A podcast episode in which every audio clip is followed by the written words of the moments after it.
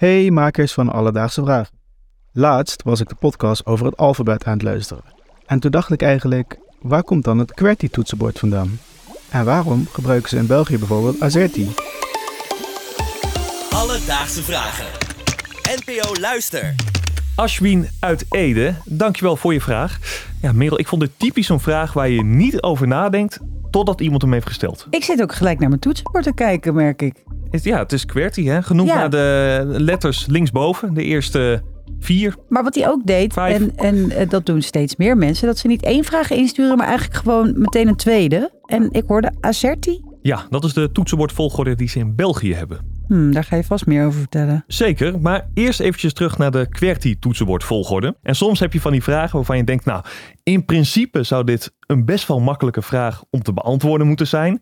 En dan zou je best wel snel iemand over kunnen spreken die er wat van af weet. Absoluut. En dat bij, bij een QWERTY-vraag denk je dat? Ja, dit is geen rocket science, zou je nee, denken. zeker niet. Nou, helaas, ik kwam van een koude kermis thuis. Ik heb tal van mensen benaderd die hier iets over wisten. Eh, onder andere biomechanicus David Abbink of techjournalist Dominique Dekwijn. Maar ze hadden allemaal geen tijd om hier iets over te vertellen. Of ze hadden gewoon geen zin, dat kon ook. Geen tijd is altijd een goede smoes. Dan moeten we het zelf maar uitleggen.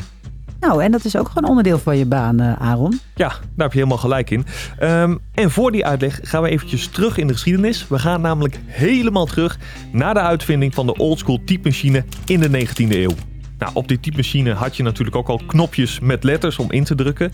Maar die stonden toen natuurlijk nog niet in de QWERTY-volgorde. Nee, die waren eerst op de alfabetische volgorde. Ik kan me er ook niks meer bij voorstellen dat dat logisch zou zijn. Terwijl, ja, natuurlijk ga je dat op die manier proberen. Ja, dat is ja, hoe het alfabet staat. Dan is het ook niet zo gek om de letters in die volgorde Nee, te maar zetten. mijn brein loopt nu al helemaal vast. Ja, ga door. Nou, op die typemachine stonden dus de letters in alfabetische volgorde. Maar de uitvinder daarvan, meneer Christoph Latham Scholz, liep alleen tijdens het typen met die lettervolgorde tegen wat problemen aan. Want wat waren die? In het Engels heb je bepaalde lettercombinaties die naast elkaar staan. Bijvoorbeeld de H en de I. Die komen veel voor in woorden, maar die staan in het alfabet ook naast elkaar.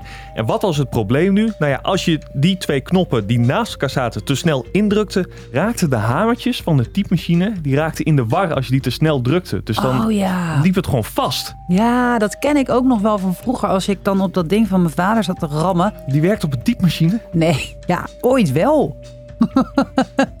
nee, maar dan liep hij al vast. Dus laat staan als je het echt veel gebruikt, dan loop je daar natuurlijk tegenaan. Precies. Nou, hij dacht, nou, deze alfabetvolgorde werkt niet. Ik moet daar wat anders op bedenken. Nou, hij ging heel veel experimenteren.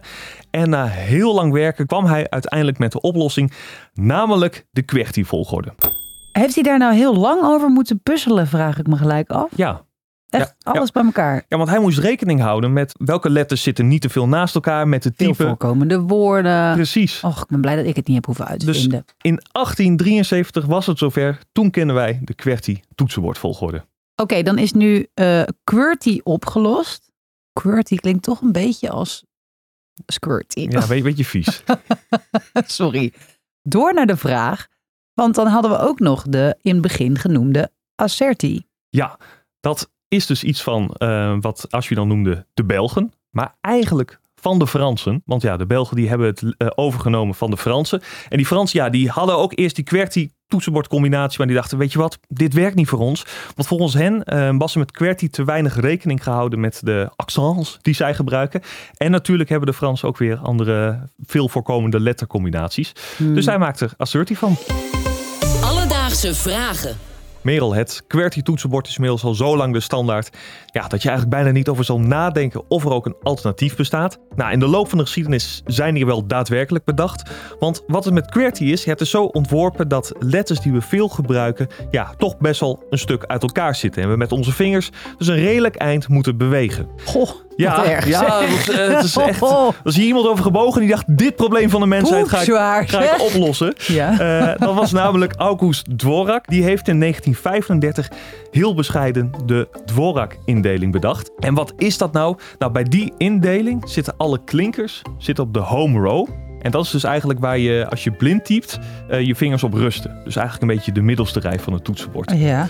Nou ja, hij wilde dat populair laten worden. Is uiteindelijk nooit gelukt. Waar Want komt de beste man vandaan eigenlijk? Amerikaan. Ah. Nou, hij dacht dus, met dit toetsenbord heb ik een prachtig product waarmee mensen veel sneller en effectiever kunnen typen. Het is uiteindelijk nooit ingeburgerd. Het had twee redenen. Ten eerste, QWERTY was al zo populair dat ja, mensen niet graag wilden overstappen. En ten tweede, het model van hem was slechts 5% sneller.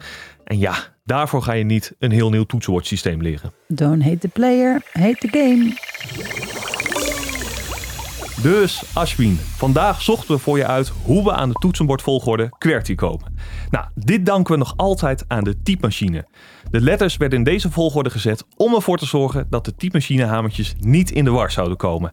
En sindsdien is dit bij ons mensen ingeburgerd en zijn er geen populaire alternatieven ontstaan. En daarom gebruiken we tot vandaag de dag QWERTY. Heb jij ook een vraag? Dan kun je ons een berichtje sturen. Dat kan via Instagram. Of je kan een mailtje sturen naar alledaagsvragen.bnnvara.nl en dan zoek ik het voor je uit.